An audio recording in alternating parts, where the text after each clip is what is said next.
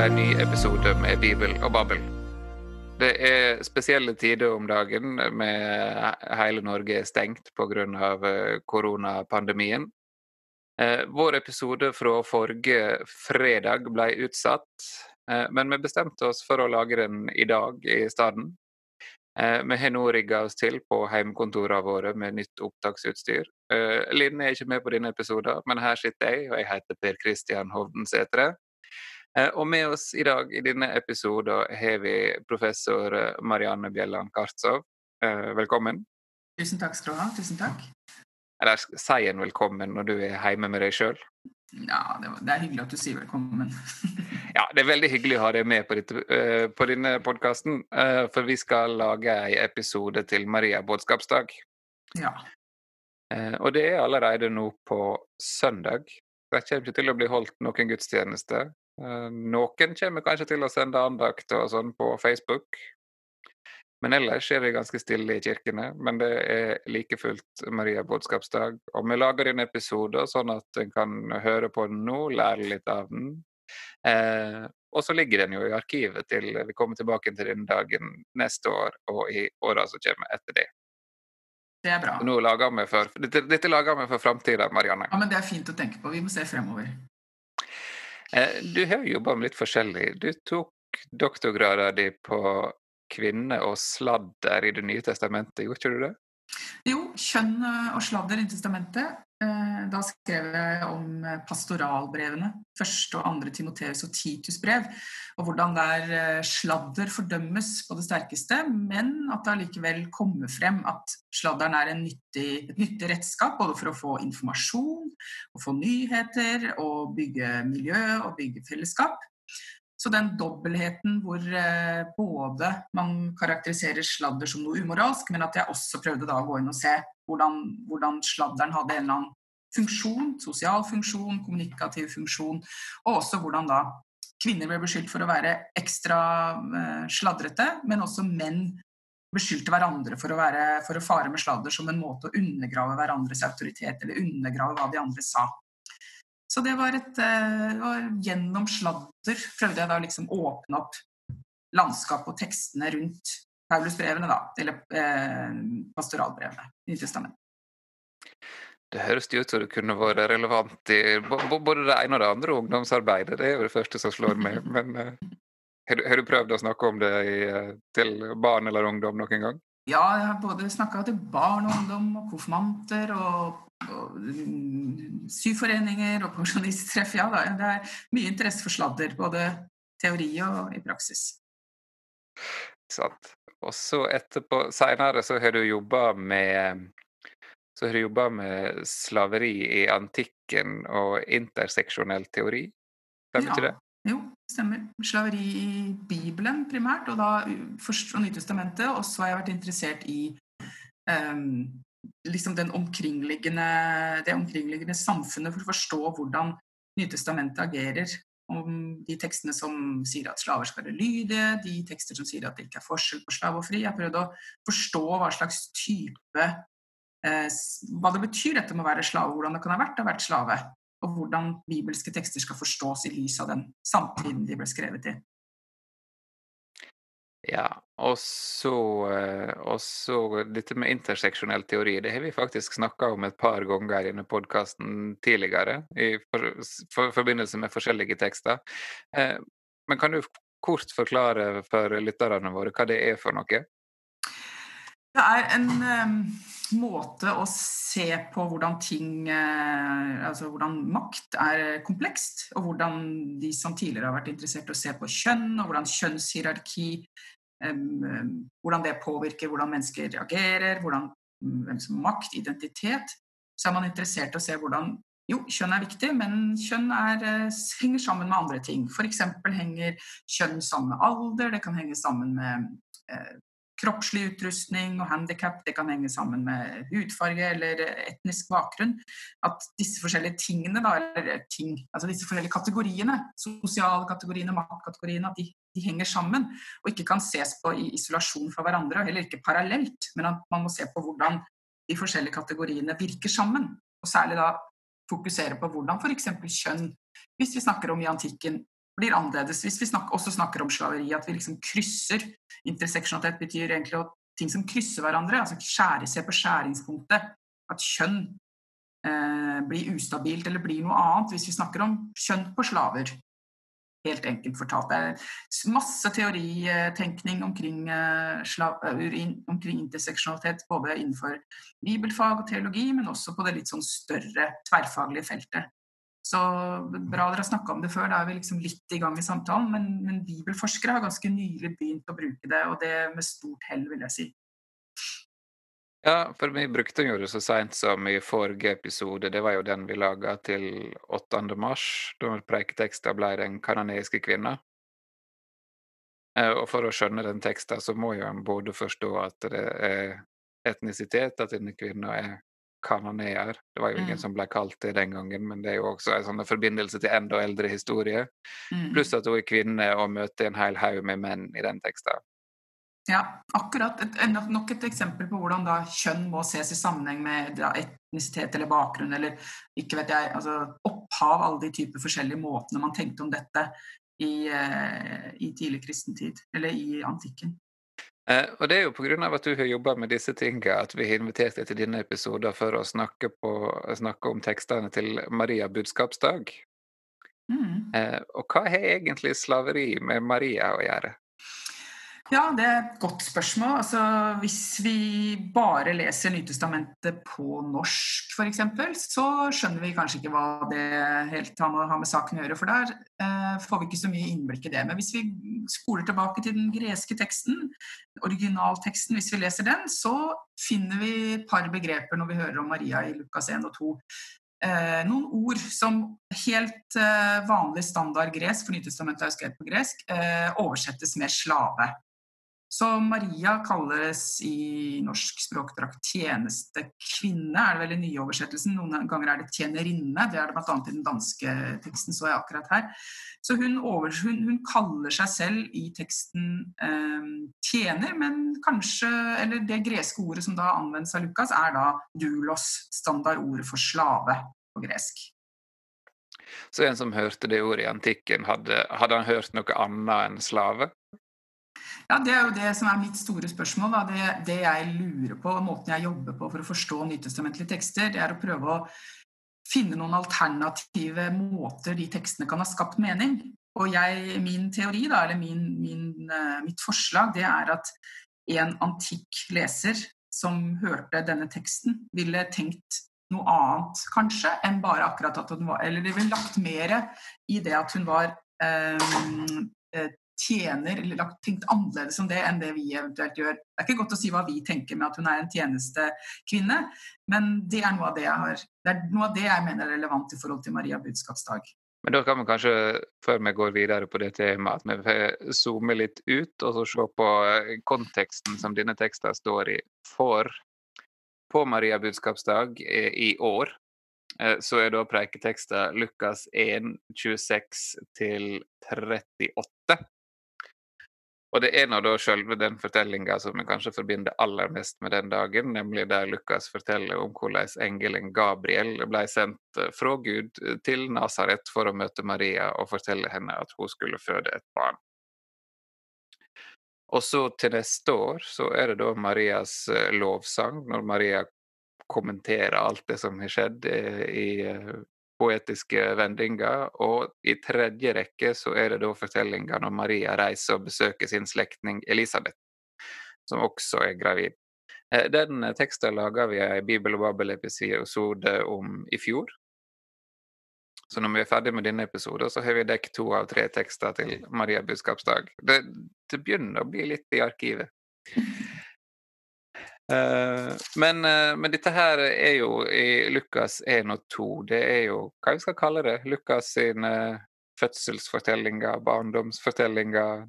Ja, det er jo, altså her er Lukasevangeliet unikt i forhold til de andre to synoptikerne, også, også, i forhold til alle fire evangeliene, med å ha en, ja, en, en, en bit tekst om hva som skjedde med Jesus som barn frem til han begynte Først kapittel tre, så, er vi på, eh, så er vi i gang med hvordan Jesus med døperen Johannes som står frem, og hvordan Jesus er da som voksen. Mens Lukasevangeliet har eh, mest av alle evangeliene om da hva som skjedde med han før han var voksen. Og Matteus forteller også noe om denne tida, men verken Markus eller Johannes har noe som helst med altså Der er ikke Jesus noe annet enn voksen, kan du si. da.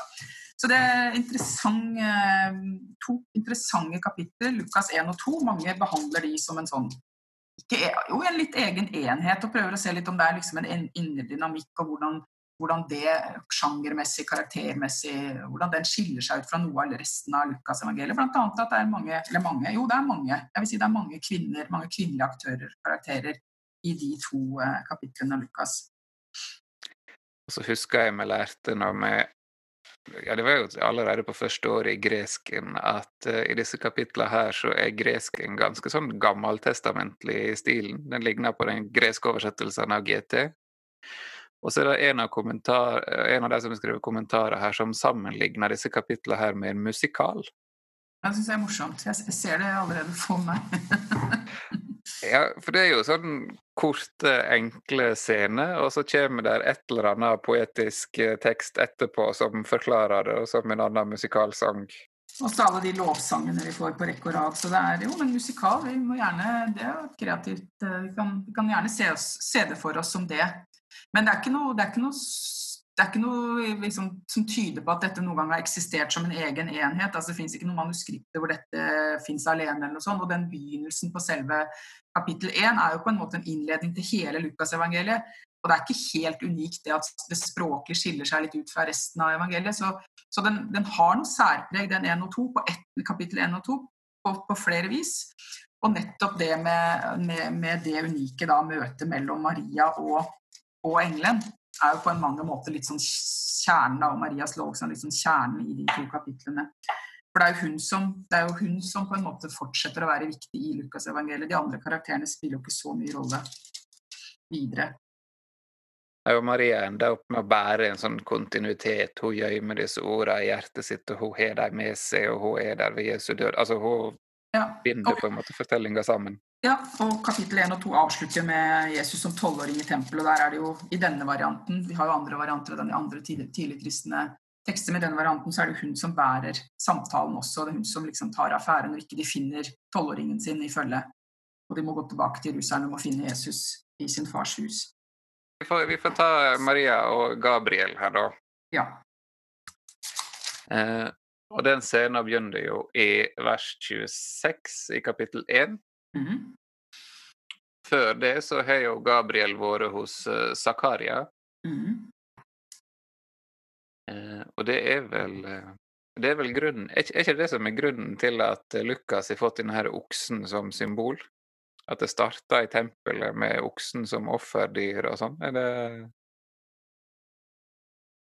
Ja. ja. Jeg kan hende. Sjekk ut det. Ja, den kommer iallfall før denne her oksen og eselet som ikke er i juleevangeliet. Ja. Uh, ja. Uh, men det er iallfall noe jeg har lest en gang, tror jeg. Uh, men, kan, men, da er det Zakaria, og Zakaria sin reaksjon på det engelen sa, den var jo at han trodde jo ikke helt på det engelen sa, og han trodde jo ikke at hans kone Elisabeth kunne bli, kunne bli med barn når de var i deres alder. Mm. Og så er det da et ganske kjapt sceneskifte fra og da er det vel rett fra tempelet i Jerusalem, hvis jeg tar helt feil? Ja, det er jeg Nei, nei, jeg reiser faktisk hjem igjen, i vers 23. Og så uh, blir Elisabeth med barn, og så er det rett over til Nazaret i vers 26. Ja, men det begynner jo med at Elisabeth var i sjette måned, så det er jo et forsøk på å knytte de to karakterene og fortellingene og gruppene med mennesker, for å si det sånn, sammen. Det begynner jo med at Elisabeth var i sjette måned, da. Det er en tydelig sammenheng. Ja. Det, er en tydelig sammenheng, og det er noe med at døperen Johannes og Jesus skal få lov å gå i parallelle spor her gjennom eh, hele begynnelsen. Ja. Mm. ja. Eh, og det blir jo viktig når vi kommer til kapittel tre også, med Jesu mm. dåp. Mm. Men da er de voksne. Ja. Men altså, er det... Det, det... er innledningen. Skal du, skal du, si litt om den? Hvordan vi, hvordan det liksom innledes frem mot Maria? Ja, nei, jeg har alltid, jeg har alltid likt disse her, eh, disse her første versene her, for uh, Fordi det er noe som måte fortell, Fortelleren bare zoomer inn. Altså Han starter i et sånt der himmelsk perspektiv når engelen Gabriel blir sendt fra Gud til en by i Galilea som heter, som heter Nazaret, til denne jomfrua som lover bort til Josef, og hun heter Maria. Da har du på en måte zooma ned på mikronivå. Ja. Eh, så det er engelen som beveger seg gjennom hele dette her hierarkiske verdensbildet og ender opp hos Maria. Ja, og så blir det hos Maria. Da, da, men det trengs de innledende øvelsene. Det er helt riktig, det. Både fra himmel til jord, men også fra alle disse mannlige karakterene ned til samtalen med Maria. Så den har på en måte bevega seg nedover i kosmologien, men også nedover i sånn statushierarkiet? Ja, ja, det, det, gjenstår jo litt å se da, hva det er slags status Maria egentlig har her. Det har vi jo ikke helt konkludert med. Det er jo litt det vi spør om òg. Ja, for i disse versene her så blir hun kalt jomfru. Hva, ja. som, hva som ligger i det? Nei, eh, eh, det ligger i det at hun er en ung kvinne. Det ligger i at hun ennå ikke er gift. For da ville det vært brukt et annet ord om henne. Det ligger en, åpenbart da en aldersindikasjon, men det er ikke helt gitt hva det er slags alder vi skal forstå at hun har. Hun har nok ikke en unormal ung alder på den tida til å både bli trolovet og til å få barn, men, eh, men vi vet jo ikke helt hva slags type alderstradisjon eller hva slags, hva slags, type normalitet vi snakker om her. Var hun 13 år, 14 år, eller var hun eldre? Alt ettersom hva slags type familiebakgrunn hun hadde. Men hun er i hvert fall en ugift kvinne, en ung kvinne, ut fra datidens standarder. Eh, ennå ikke født barn, altså ennå ikke vært med noen mann. Og det betyr jo at når jeg snakker om denne teksten, så er jo på alder med våre konfirmanter, liksom. Så er jo mye yngre enn det som er vanlig giftealder i dag. Hvordan kan en som predikant forholde seg til det? Ja, Det kan man forholde seg til på mange måter, tenker jeg. Men, men hun var jo ikke unormalt ung til å være på den tida. Så det gir oss jo også et bilde i hvordan, hvordan alder er annerledes. Man levde jo ikke så lenge som ja, jeg, jeg, jeg ville jo vært en urgammel dame, jeg ville jo kanskje ikke levd engang. Gjennomsnittsalderen var jo helt annerledes, og på mange måter så begynte livet før, og det slutta før, kan du si. Så, så Men iallfall, eh, hun hadde jo ikke levd lenger enn våre konfirmanter har levd. Hun er, hun er en, en, eh, en midt i det som vi kaller tenårene, selv om ikke de hadde sånne forestillinger i den tiden hun levde. Men hun har, eh, kanskje akkurat fått menstruasjon og akkurat blitt eh, kjønnsmoden eller er i ferd med å være i puberteten. Eh, kanskje var også det tidligere på den tida, det vet du ikke helt. Men, men eh, det er noe potensial for identifikasjon her i forhold til den oppgaven hun får og i forhold til det hun opplever. Det, det liksom det går det an å trekke ut av det også i en sånn forkynnelseskontekst. Mm. Ja, men det er klart at eh, hvordan en oppfatter alder, forandrer jo seg fort. Altså, når min bestefar var 14 år, så begynte han å jobbe på fabrikk, liksom. Ja. Og det er gjort masse studier av nettopp eh, ba, altså historiske studier av barndom. Om, om noen mener at barndom er, et, er noe vi har funnet på, ungdomstid er noe vi har funnet på. Det, det hvordan man tenker om alder, hvordan man tenker om livsfaser veldig kulturelt. Og også i dag. Det er ikke alle som har de samme liksom, stadiene i livet sånn som vi har. Så det er, det er, viktig å ha det i mente og ikke gjøre den liksom, for enkel å si at Maria er så ung som en konfirmant. Ja, hun var eh, kanskje det, men hun var også i en akkurat passe alder for å gå gjennom det hun går gjennom i sin tid. Mange andre jenter og, og unge kvinner også, var også i den fasen. Så det er kanskje viktig, altså det, det er et viktig poeng at hun er på den alderen da en kan forvente at en er voksen og tar valg og tar ansvar for seg sjøl? Ja, i den grad unge, eller i den grad ja. kvinner, i den grad Det kommer først tilbake til. Ja, noen mener også at valg er moderne, en moderne oppfinnelse, iallfall det individuelle valg. Ja, det kan vi godt komme tilbake til. Mm. Ja. Ikke sant. Uh, og så kommer nå da denne engelen inn uh, og sier 'vær helsa, du som har fått nåde, Herren er med deg'. Mm. Uh, hva betyr det? Ja, det får man jo Det, det er jo en hilse Altså, hun blir jo en, blir møtt og hilst på en, må, en verdig måte Hun er utvalgt, hun er uh, verdig, hun er uh, Guds liksom. Det er Gud som snakker til henne, det er engler som snakker til henne. Uh, og det er jo ikke så veldig mange kvinner, i hvert fall ikke unge kvinner, i det bibelske materialet som, som opplever å bli møtt på den måten og bli, bli, å få en sånn visitasjon, få et besøk på den måten. Så det er jo et eller annet forsøk på å løfte henne opp da, allerede i den første tiltalen. Så det, I da vers hva er det? 28. 28. Ja. Og det, ja, for det, at det er sånn verdig, ordentlig, ja. respektfull tiltale. Ja. ja. Og det har jo også gått inn i iallfall i den katolske liturgien. Dette her er jo det som har blitt til den første delen av denne Ave Maria-bønna. Mm. Det er noen av disse kapitlene er så lest at veldig mye av det har jo gått inn i liturgien. Det er akkurat det. Ja. Eh, så, men så blir jo Maria forskrekka og engelen sier til henne 'vær ikke redd'. Mm. Det har vi hørt en del uh, andre ganger også. Frykt ikke. Ja. Mm. ja. At det er jo Det har jeg sikkert snakka om før i Bibel og Babel, at det er jo nesten sånn der, det er jo nesten standarden når en møter et eller annet himmelsk, at uh, da blir folk redde, og ja. svarer med 'vær ikke redde'. Mm. Men så tenker jeg alt det at dette, dette ligner jo på Dette følger en bibelsk standard, det er en verdig hilsen og sånn og sånn, men jeg vil jo mene at det, det, gjør jo en forskjell at dette er iscenesatt som at det er en ung kvinne som får besøk av en mannlig representant for Gud. Altså, det, er noen, det, er noen, spenninger her, det er noen, det er noen liksom, ting som gjør, gjør dette til en litt annen, annen scene. Det står, at, det står, ikke at, hun er alene, men vi får liksom en følelse av at hun er alene. Det er hun som fører ordet. Um, og hvordan det henger sammen med det at hun er ja, hvis at hun er en ung kvinne, da. Det syns jeg er litt interessant. Det er noe som er litt annerledes her. Og særlig hvis du ser hvordan det går videre. Hør, du skal bli med barn. Å ja, ok. Det er rett, det er rett på.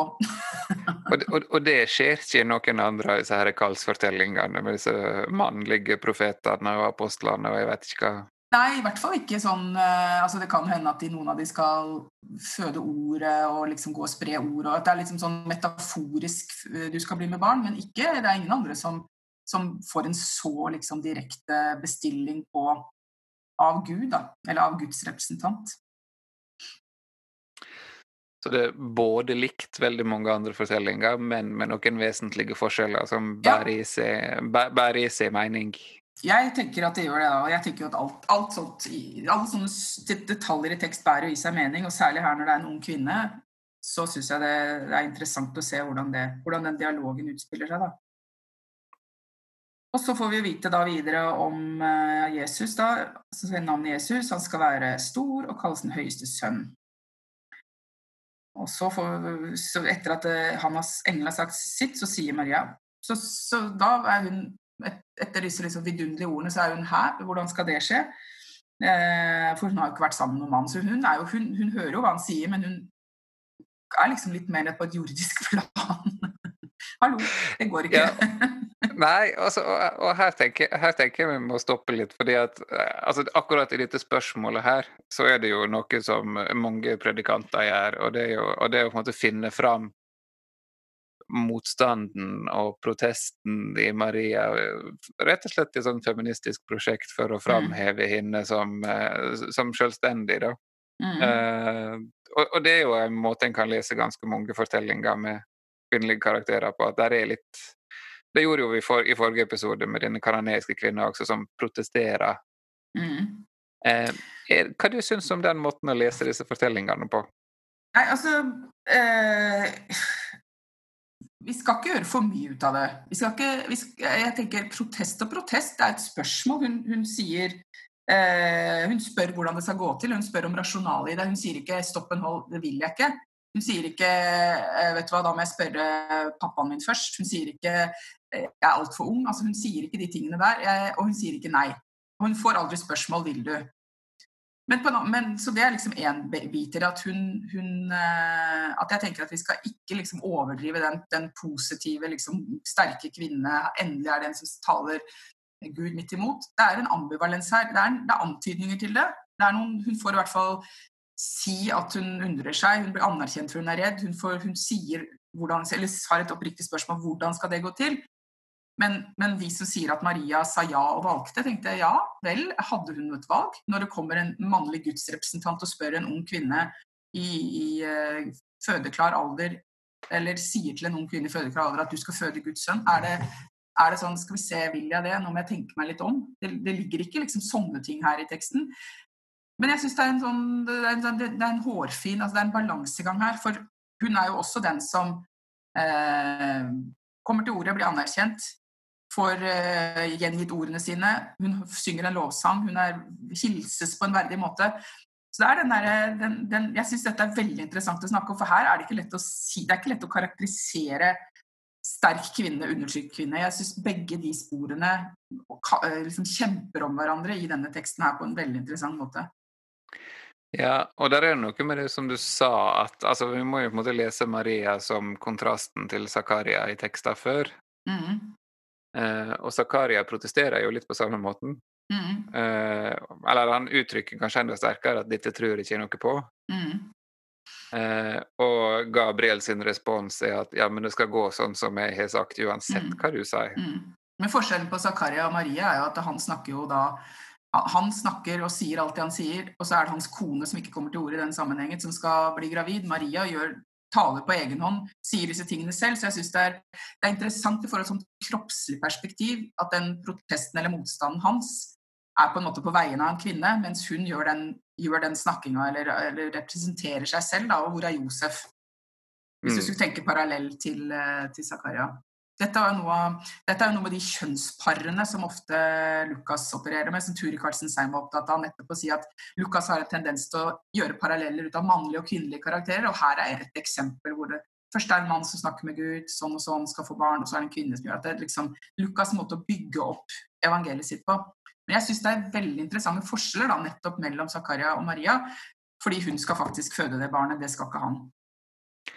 Nei, og at det er et eller annet med Zakaria og Elisabeth de opptrer jo i par. Og neste gang vi møter dem, så er det jo Zakaria som er i bakgrunnen, og Elisabeth som er i forgrunnen.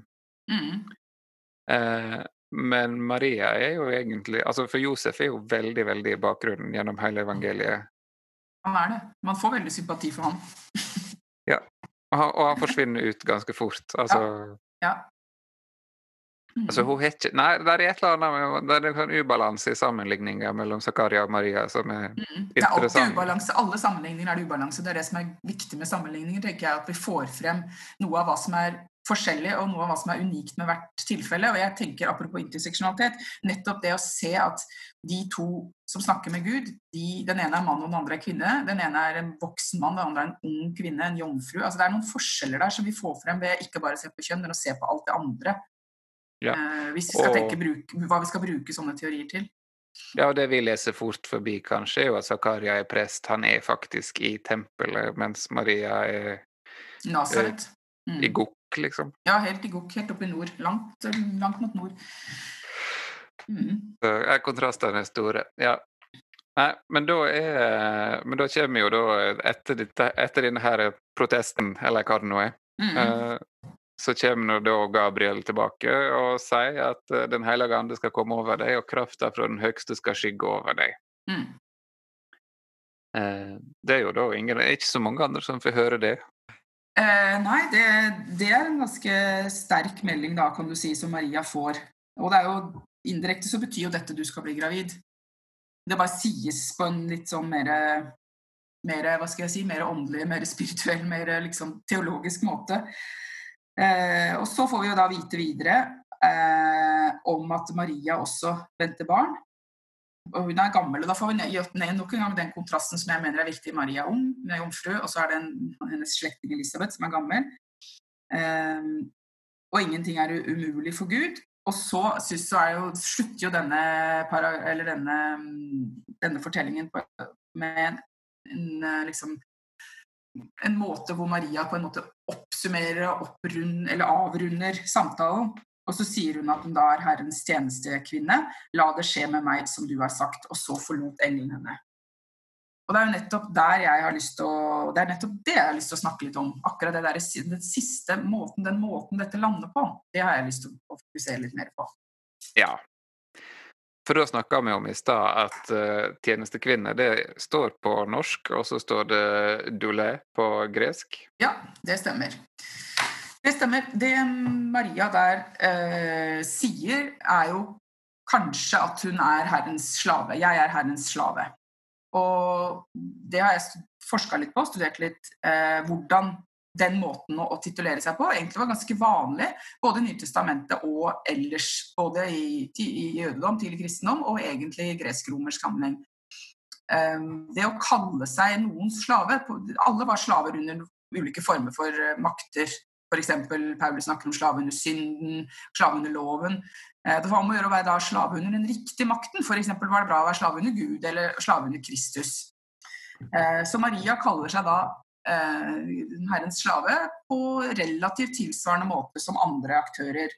F.eks. da senere i evangeliet, hvor Simon, Simons lovsang, hvor eh, Simon Anna i tempelet, eh, hvor han også kaller seg for eh, Herrens slave. Ja, 'Jeg er Herrens slave, nå kan jeg fare herfra i fred', sier han. Helt parallell eh, terminologi oversettes også ofte med 'tjener'. Og så har vi jo i flere Paulusbrev, eh, særlig åpningene på Galaterbrevet bl.a., og i Titus-brev, hvor Paulus bruker helt samme formulering, snakker om seg selv som Herrens dulos, da, eller slave eller tjener eller noe sånt. Alt er oversatt på norsk med, med, med, tjener.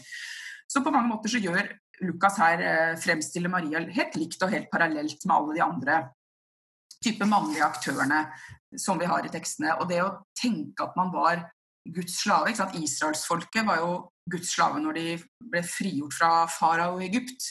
Da var jo de slavefolk. De, var, de gikk fra å være eh, faraos slaver, og så ble de Guds slaver. De var Guds folk, så de var under farao først, og så ble de frigjort. Og da så ble de ikke frigjort til å ikke ha noen herre, men de fikk Herren Gud som sin, som sin eh, herre. Da. Så den måten å tenke metaforisk om slaveri, at man var liksom under noen, det er ikke unikt. Det kjenner vi igjen fra andre tekster. Så alternativet til det å være slave under noen ikke, å, ikke å være fri, sånn som jeg kanskje tenker i moderne kategorier, men å være slave under noen andre? Eller? Ja, ja, jo, i hvert fall når det blir brukt sånn metaforisk, så, så, hvor det ikke handla om at du faktisk var slave hos At du ble eid av noen, at du ikke var en slave. Det mener jo, det mener jo ikke at Maria her sier. Hun sier jo ikke at 'jeg eies av sånn eller sånn'. Det er ikke den type slaveri, slave hun er. Hun, hun, som Lukas fremstiller henne, så er hun inni den eh, Beveger seg inni den logikken da, hvor man var slave under noen. Men så er det jo det med Maria at i motsetning da til eh, alle de andre, mange av de andre eh, slavene i materialet, så er hun da kvinne, ung kvinne. Og mm, Spørsmålet er hun da, hva da som gjør det forskjell. Hva er det som er forskjell på mannlige og kvinnelige slaver? For å, for å forstå det, så mener jeg vi må se litt på hva, uh, hva det betydde at uh, det, det, samfunnet de levde i, var et slavesamfunn. Vi må, vi, må, ha noen kunnskaper om hva en slave var. Og uh, når kristendommen ble til, så var største forskjellen mellom folk var ikke nødvendigvis kjønn eller alder. eller sånn. Største forskjellen mellom folk mener mange var var du slave eller fri. Og Det betydde at noen mennesker de hadde rett på beskyttelse, de hadde eiendom, de hadde, hadde eh, frihet til å gjøre enkelte valg på, på, vegne av seg selv og andre. Mens de som var slaver, de var da primært eid. De, en, eh, de var sett på som eiendom eller som ting. De kunne utsettes for vold, de kunne utsettes for eh, seksuell Altså de kunne ufrivillig eh, ble, voldtatt eller måtte ha sex med sin eier eller med andre. De kunne lånes ut, pantsettes. Altså, det finnes ikke noen, noen, mye kilder som snakker om slaver som mennesker. De ble betrakta som eiendom, som du hadde tre slaver og tre kuer, hvis vi ser sånne rapporter og folk skulle si hva de eide. Og hvis du da hadde en mannlig slave, så kunne han være så og så mye verdt. Og hadde du en kvinnelig slave i rett alder, f.eks. reproduktiv alder, så kunne hun være mer verdt enn en mannlig slave. Fordi man nettopp kunne kalkulere inn at hun fikk barn for eieren sin, og da fikk eieren flere slaver og ble rikere. Så kvinnelige slaver var vel ansett eh, nettopp fordi at de kunne øke formuen. Så man må tenke helt annerledes. Man må ikke tenke at noen mennesker var fri og noen var slaver. Man må tenke at det fantes de som ble sett på som mennesker, og så fantes det de som ikke ble det, og de var slaver så vet jo vi at de var mennesker, og de hadde følelser, og de hadde hud og kropp og alt mulig sånn som alle andre. Men hvis vi skal prøve å tenke hvordan denne hvordan, eh, For antikke mennesker, hva slags logikk de levde etter, så var ikke slaver anerkjent som mennesker. Nei, det slo meg bare at det, dette her gjør jo de litt humor på, på denne her eh, Vikingene-serien på NRK også om dagen. Altså nettopp det synet på slaver. At de ikke ble sett på som mennesker. Mm. Så det dukker liksom opp i mange sammenhenger. Men det er jo det, det er så vanskelig å måtte stille om hodet sitt til at eh, OK, det var sånn en så verden, men uh... Ja, og det er, og det er altså det vi, vi vet jo ikke Det vi vet om dette, det har vi jo fra type lovmateriale, fra innskrift, innskrifter, innskrifter, fra annen type materiale. Men vi, vi, vi kan lese Nytestamentet nettopp fordi at det aldri sies 'avskaff slaveriet'. Det sies aldri direkte, verken Paulus eller Jesus eller noen sier det. Man snakker om lydighet. Slaver skal være lydige. Og så brukes slaver f.eks. i lignelser uten at det kommenteres. De slås, de denges, de drepes, de utsettes for all form for vold. Så på en måte slaver bare er der som sånn uproblematisk. De er liksom bare som, som brikker i noe spill uten at det egentlig fokuseres så mye.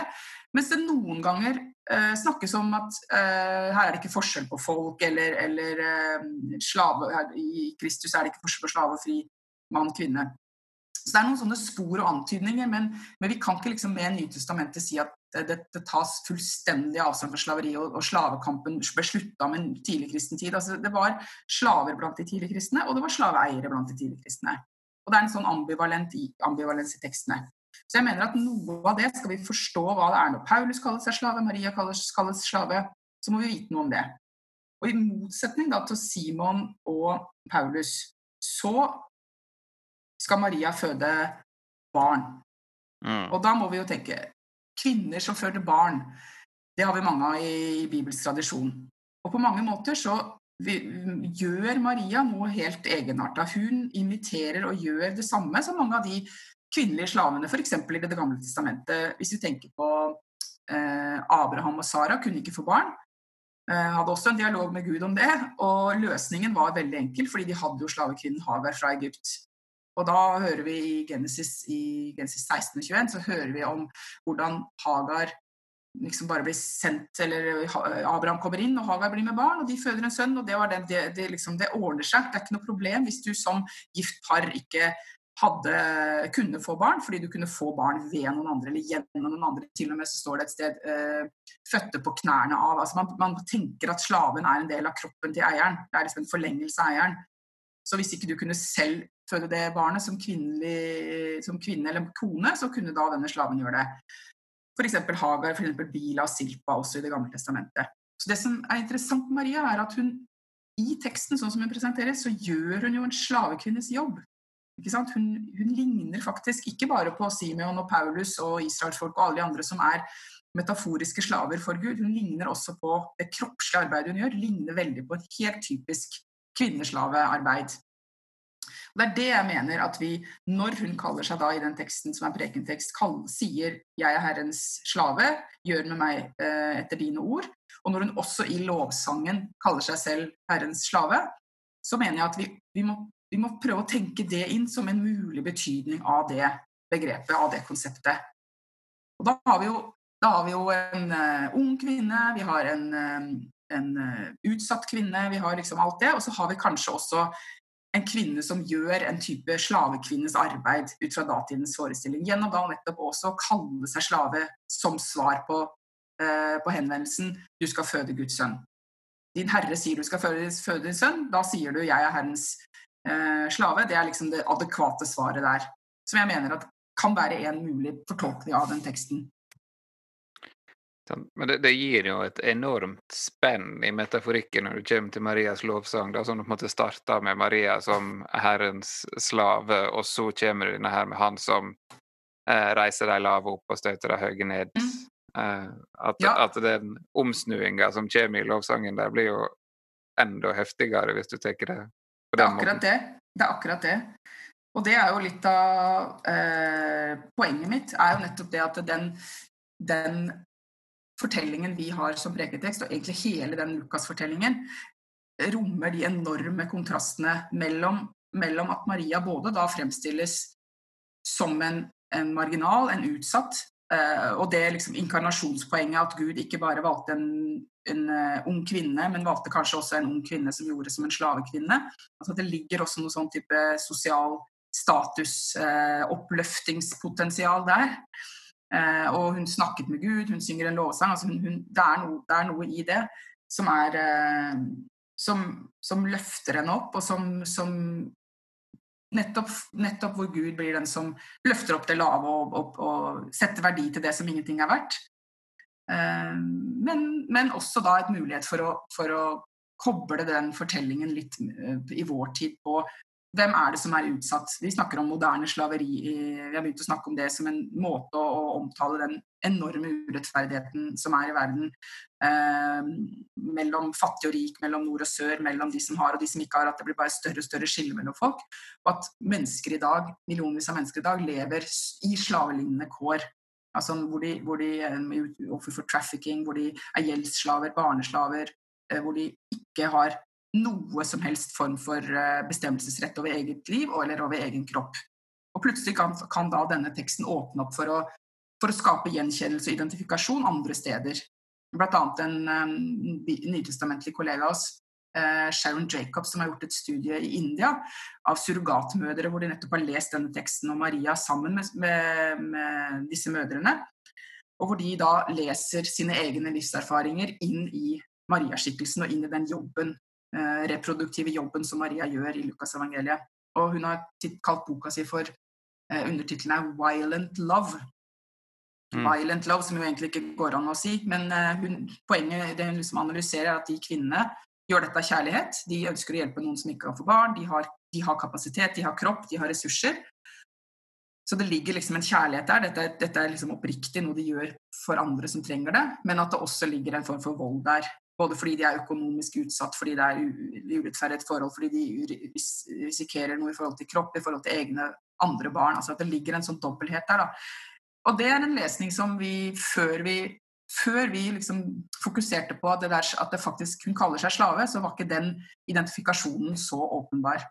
Nå tenker jeg at det, Sånne type lesninger gjør at vi, vi, ser noe nytt i teksten. og Da mener jeg også at vi må være mer interessert i antikt slaveri, nettopp for å se hvordan disse surrogatmødrene har kanskje mer, mer eh, erfaring og mer ting å gi i forhold til Hagar, i forhold til Maria, i forhold til alle de andre kvinnene i det nytestamentlige materialet.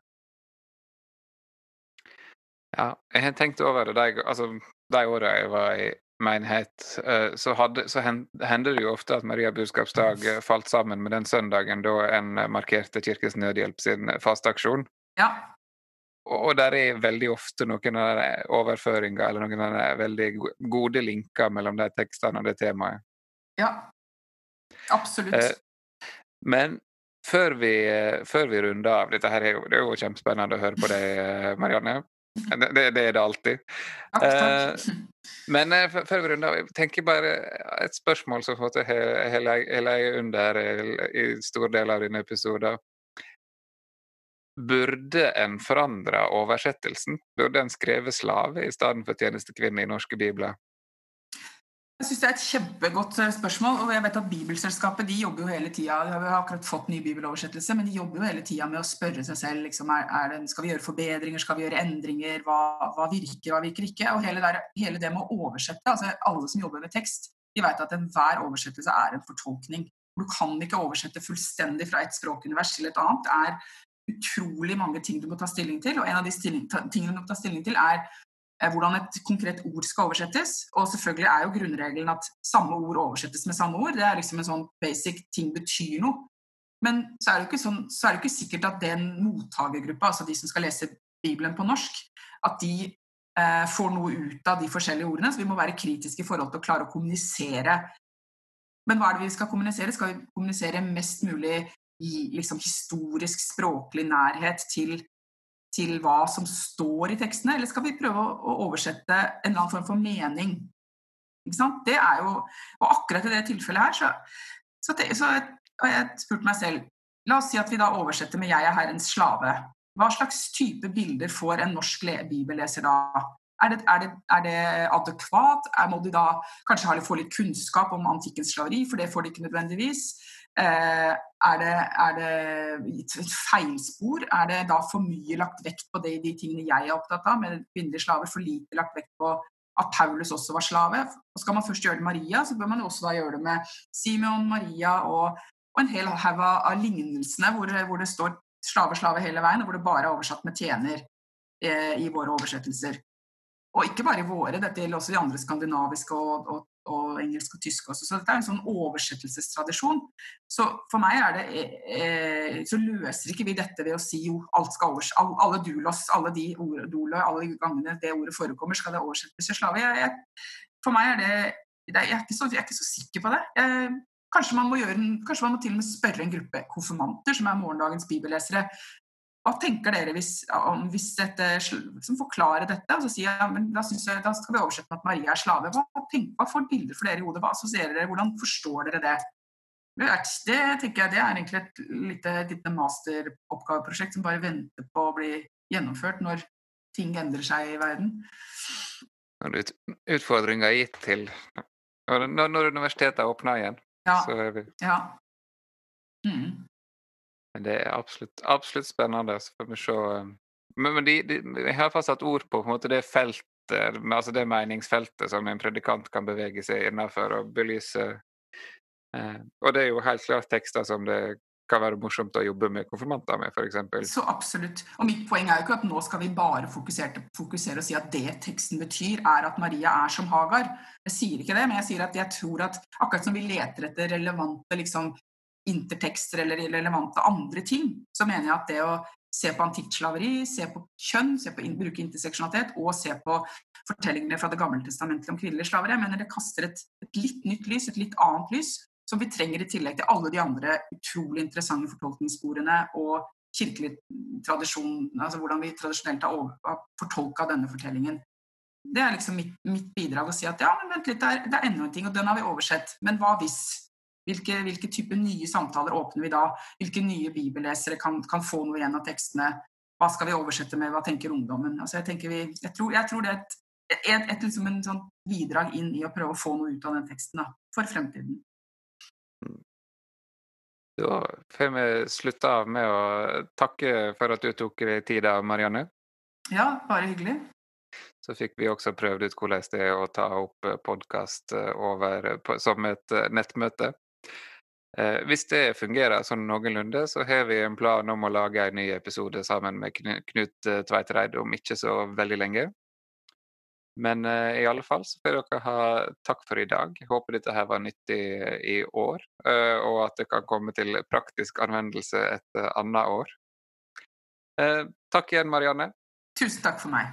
Ja, og takk for i dag. Ha det godt.